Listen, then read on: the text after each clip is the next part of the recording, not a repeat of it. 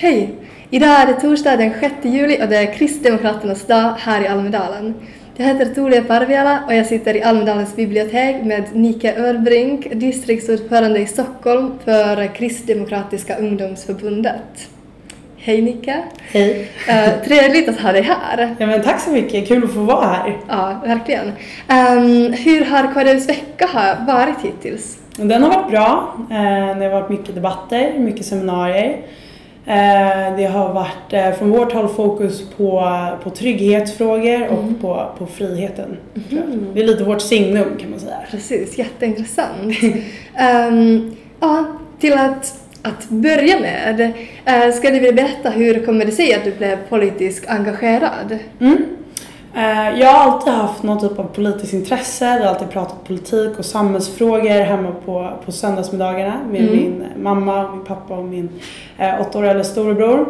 Eh, så jag har alltid tyckt att jag varit intresserad, eller jag har alltid varit intresserad av att liksom analysera samhället och samhällsfrågor. Mm. Och sen så hösten 2014. Jag var lite arg efter valet och dess utfall. Och så hade jag inte engagerat mig. Men så fick vi i skolan testa på någonting som heter ungdomsperspektivet. Okay. Eh, så vi fick då, jag gick på Norra Real i Stockholm, så fick vi eh, skriva motioner och debattera och sen så fick man göra det med, tillsammans med andra skolor. och jag tyckte att det här var superkul och mötet mellan olika perspektiven som jag kom ifrån mm. och, de andra perspektiven och hur det kunde sen kanaliseras i politik Eh, och så frågade då hon som anordnade det här om, om man tycker att det här är så himla roligt och intressant, vad gör man då? Sa han, då går man med i ett ungdomsförbund. Och så sa jag, men det finns ju ingenting som jag, inget parti som jag håller helt med. Eh, och då sa hon, eh, de visa orden att eh, man, eh, de flesta diskussioner de har man inte i första hand med andra partier utan de har man internt. Eh, och då så sa jag, men då, då har jag en tjänst. Så då, och då tyckte hon att jag skulle gå med i SSU. Mm. Eh, och jag tackade för erbjudandet, för hon var själv socialdemokrat. Eh, och då så, och så sa jag det, det blir nog Kristdemokraternas ungdomsförbund. Så, ah. så landade jag där. Ah, kändes det lätt att välja just Kristdemokraterna? Um, men, um, på, både och. Uh, jag, hade, jag hade hört Kristdemokraterna i debatt, jag hade hört Ebba Busch Thor, det här var då innan hon blev vald till partiledare. Mm. Alltså, och lite Anna Sara Skyttedal tyckte jag väldigt mycket om. Eh, så jag hade, jag hade tycke för Kristdemokraterna och sen så hade jag kanske en bild av vad jag trodde att Kristdemokraterna skulle vara. Jag tänkte att alla som var med i KD nog var väldigt kristna mm. och eh, jag hade en del fördomar om partiet. Så tänkte jag att men då går jag in i KD och så ska jag ändra på allt det här. Eh, och sen så blev jag medlem och, och mötte att eh, det, det är såklart att det finns liksom kristna företrädare eh, men också fanns en otroligt stor grupp som var liksom höger, som tycker om de kristdemokratiska värderingarna mm. eh, men som, som själv inte är kristna. Så då, liksom, då kände man lite att så här, ja, det var gött. Eh, och sen många av de fördomar som jag hade om partiet eh, märkte jag ganska tidigt inte, inte stämde. Mm. Eh, så nu får man liksom hitta andra saker att bråka om. Ja, precis. Det kan jag tänka mig. Vill du berätta lite om ditt uppdrag? Vad är det, det som du gör? Ja, jag är distriktsordförande för KDU i Stockholm. Men jag pluggar och studerar i Uppsala och bor där. Så att jag, det blir mycket pendlande fram och tillbaka. Mm. Ehm, men man kan väl säga att det huvudsakligen går ut på att, eh, på att leda Stockholm, eh, försöka göra Stockholm lite blåare. Det är mycket skoldebatter, eh, mycket kampanjande, prata med unga men också prata med, med partiet i Stockholm och företräda KDUs röst och liksom de ungas röst. Ehm,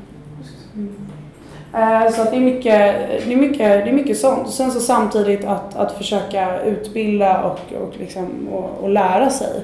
Eh, och det var egentligen det som fick mig att bli politiskt engagerad, att jag ville lära mig mer. Mm. Så vi har ju mycket talarkvällar och distriktsaktiviteter när vi bjuder in externa talare och interna talare som berättar om allt ifrån rent alltså, sakpolitik till, till filosofi eller till olika typer av men, så här, företag som poppar upp mm. och lite allt mm. möjligt. Eh, och sen är det mycket socialt också, man träffar de andra distrikten och umgås med dem. Och, så det är egentligen det med. Men som distriktsordförande så har man då det yttersta ansvaret för, eh, för vad som händer i distriktet och, och vilken roll vi ska ha i både i KDU men också i partiet. Ja. Har du haft något, eh, något mål som du vill att kommer att hända just i ditt distrikt under din mandatsperiod? Mm, jag vill att, jo men det är såklart, jag vill ju dels att vi ska bräcka förra eh, förra valårets resultat bland skolorna. Mm. Eh, jag nöjer mig inte med de här, vad- jag tror vi landade på omkring 4%, det var speglade ungefär resterande av liksom, det totala riksdagsvalet. Eh, Så att jag skulle vilja säga att nu är mitt mål att vi ska landa på minst eh, 6% i, eh, i det här valet. Vi har lite, vi har lite att jobba med, vi är inte Ja. supersexiga i mätningarna eh, för partiet. Men det roliga är att KDU är ju faktiskt Sveriges tredje största ungdomsorganisation och eh, och man märker ofta att ja, men, unga tycker om KDU och är lite sugna på det, lite nyfikna.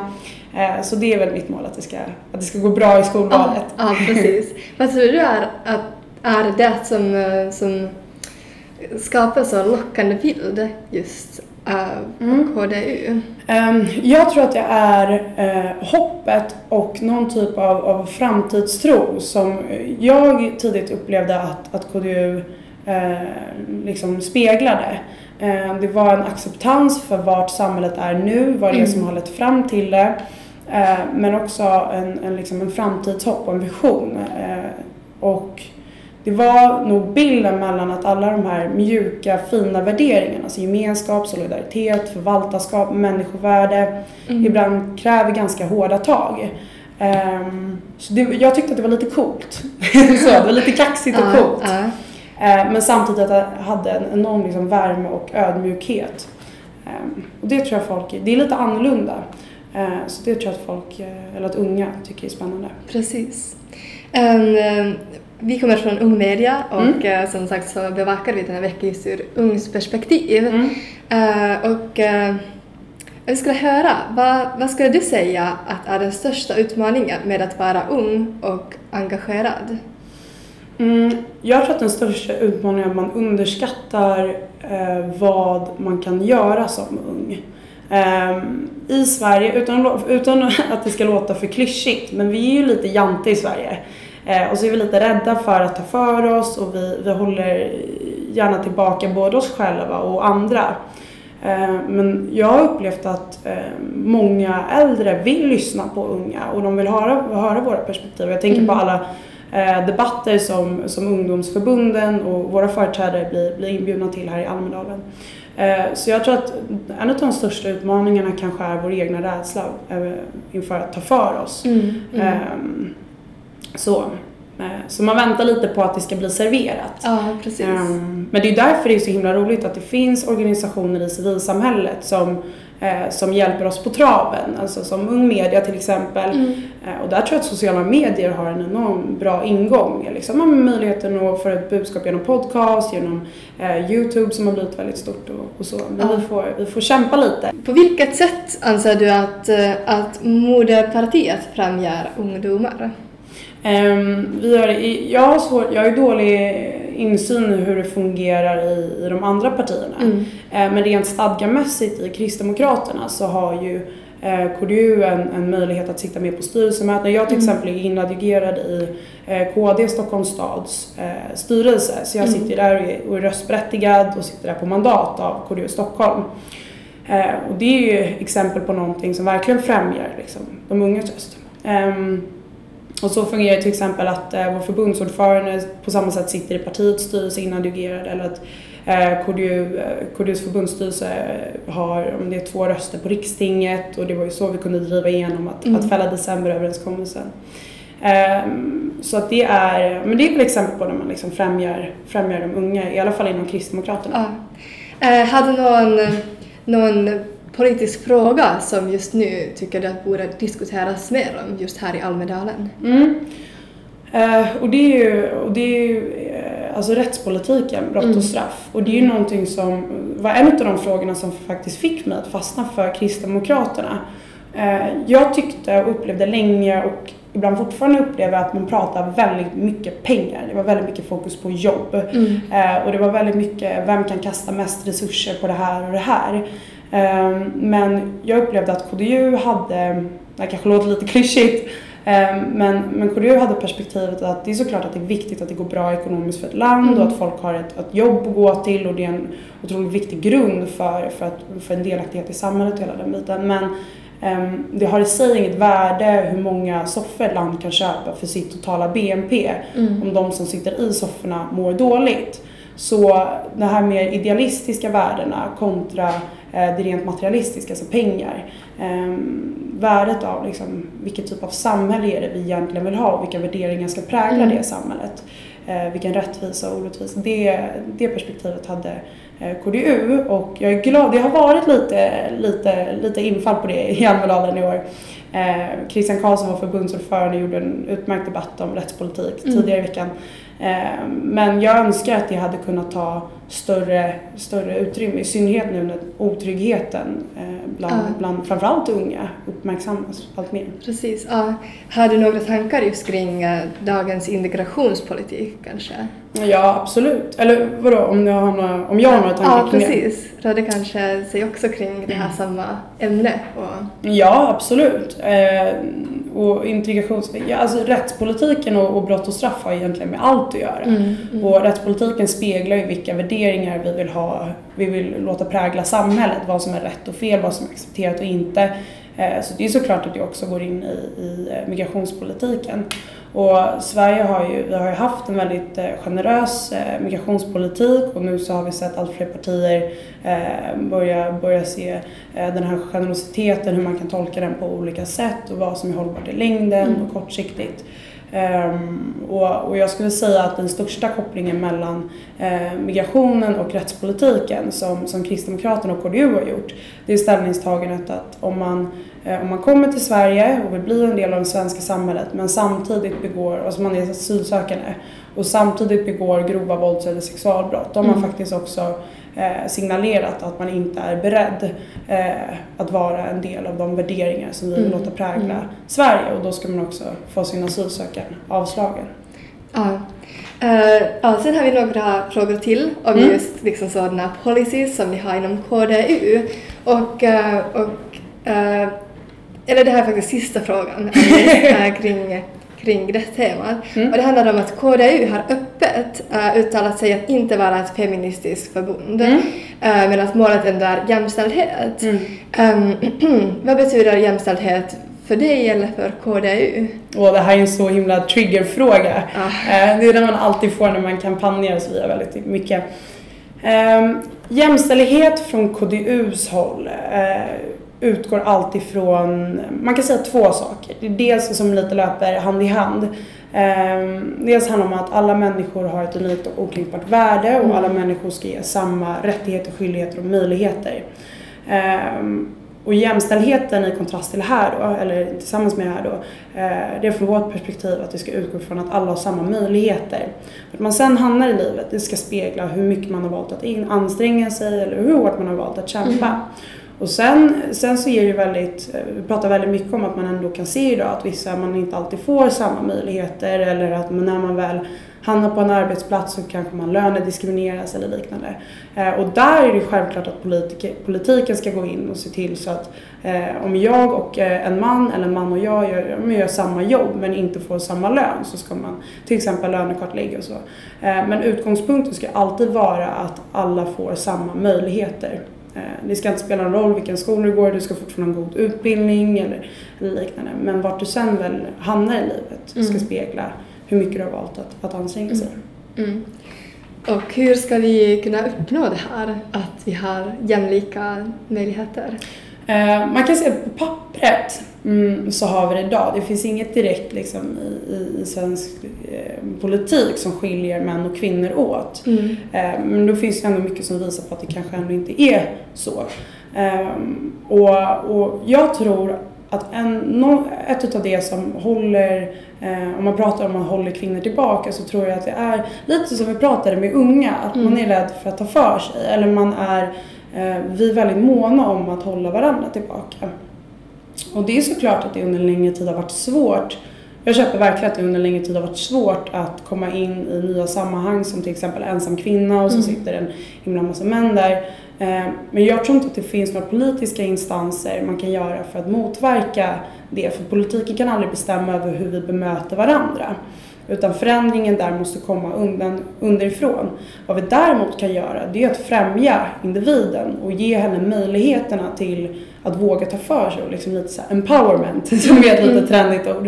Eh, så jag tror att, att i tidig ålder uppmuntra att människor tar för sig. Ehm, men om man kollar på skolan idag till exempel så är man, präglas lite av en kollektivism där vi håller människor, eller kollektivism där vi håller människor tillbaka. Mm. Men att till exempel tillåta nivågrupper, låta de som är duktiga på matte få fortsätta mer med matte och jag personligen som var eh, lite sämre på matte kunde få läsa i min takt och liksom komma ikapp.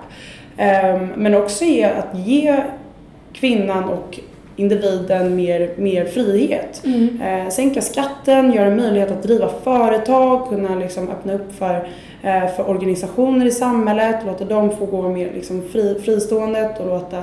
Jag tror att det bästa sättet i ett modernt samhälle idag för att, för att för kvinnor, om vi pratar om kvinnor, mm. att kunna ta sig framåt är att kör genom civilsamhället och liksom kör järnet. Eh, starta organisationer, starta företag. Eh, liksom boosta både kvinnor och pojkar eh, redan i skolåldern att, att de kan göra vad de vill.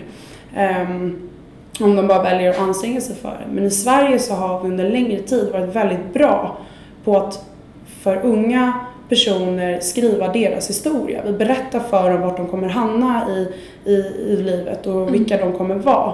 Och då tror jag också att de begränsas i, i sin förmåga att faktiskt skriva sin egen historia. Mm. Så lite empowerment kan man säga. och frihet. Ja. Um, ja, vad skulle du säga? Kanske det här hänger lite ihop med just det som du pratade om. Men uh, vilken fråga kommer ert förbund att, uh, att lyfta inför valet 2018? Mm. Jag tror att det kommer att vara trygghetsfrågan. Mm. Och det låter ju som någonting väldigt visionärt och väldigt stort. Uh, men det är ju faktiskt så att det absolut mest konkreta man kan se med tryggheten nu är att eh, dels att det är förorten, den trygghet som, som om vi pratar jämställdhet, unga mm. tjejer eh, möter att de inte känner sig trygga på gatan. Men det är ju faktiskt så att en tredjedel av eh, unga kvinnor i Sverige enligt eh, BRÅs senaste rapport inte känner sig trygga ute i det offentliga rummet. Och jag kan personligen tycka eh, att det är helt sjukt att i ett land där vi betalar bland världens högsta skatter är det fortfarande så att jag behöver gå med nycklarna mellan knogarna när jag är på vägen hem från bussen hem till, hem till dörren.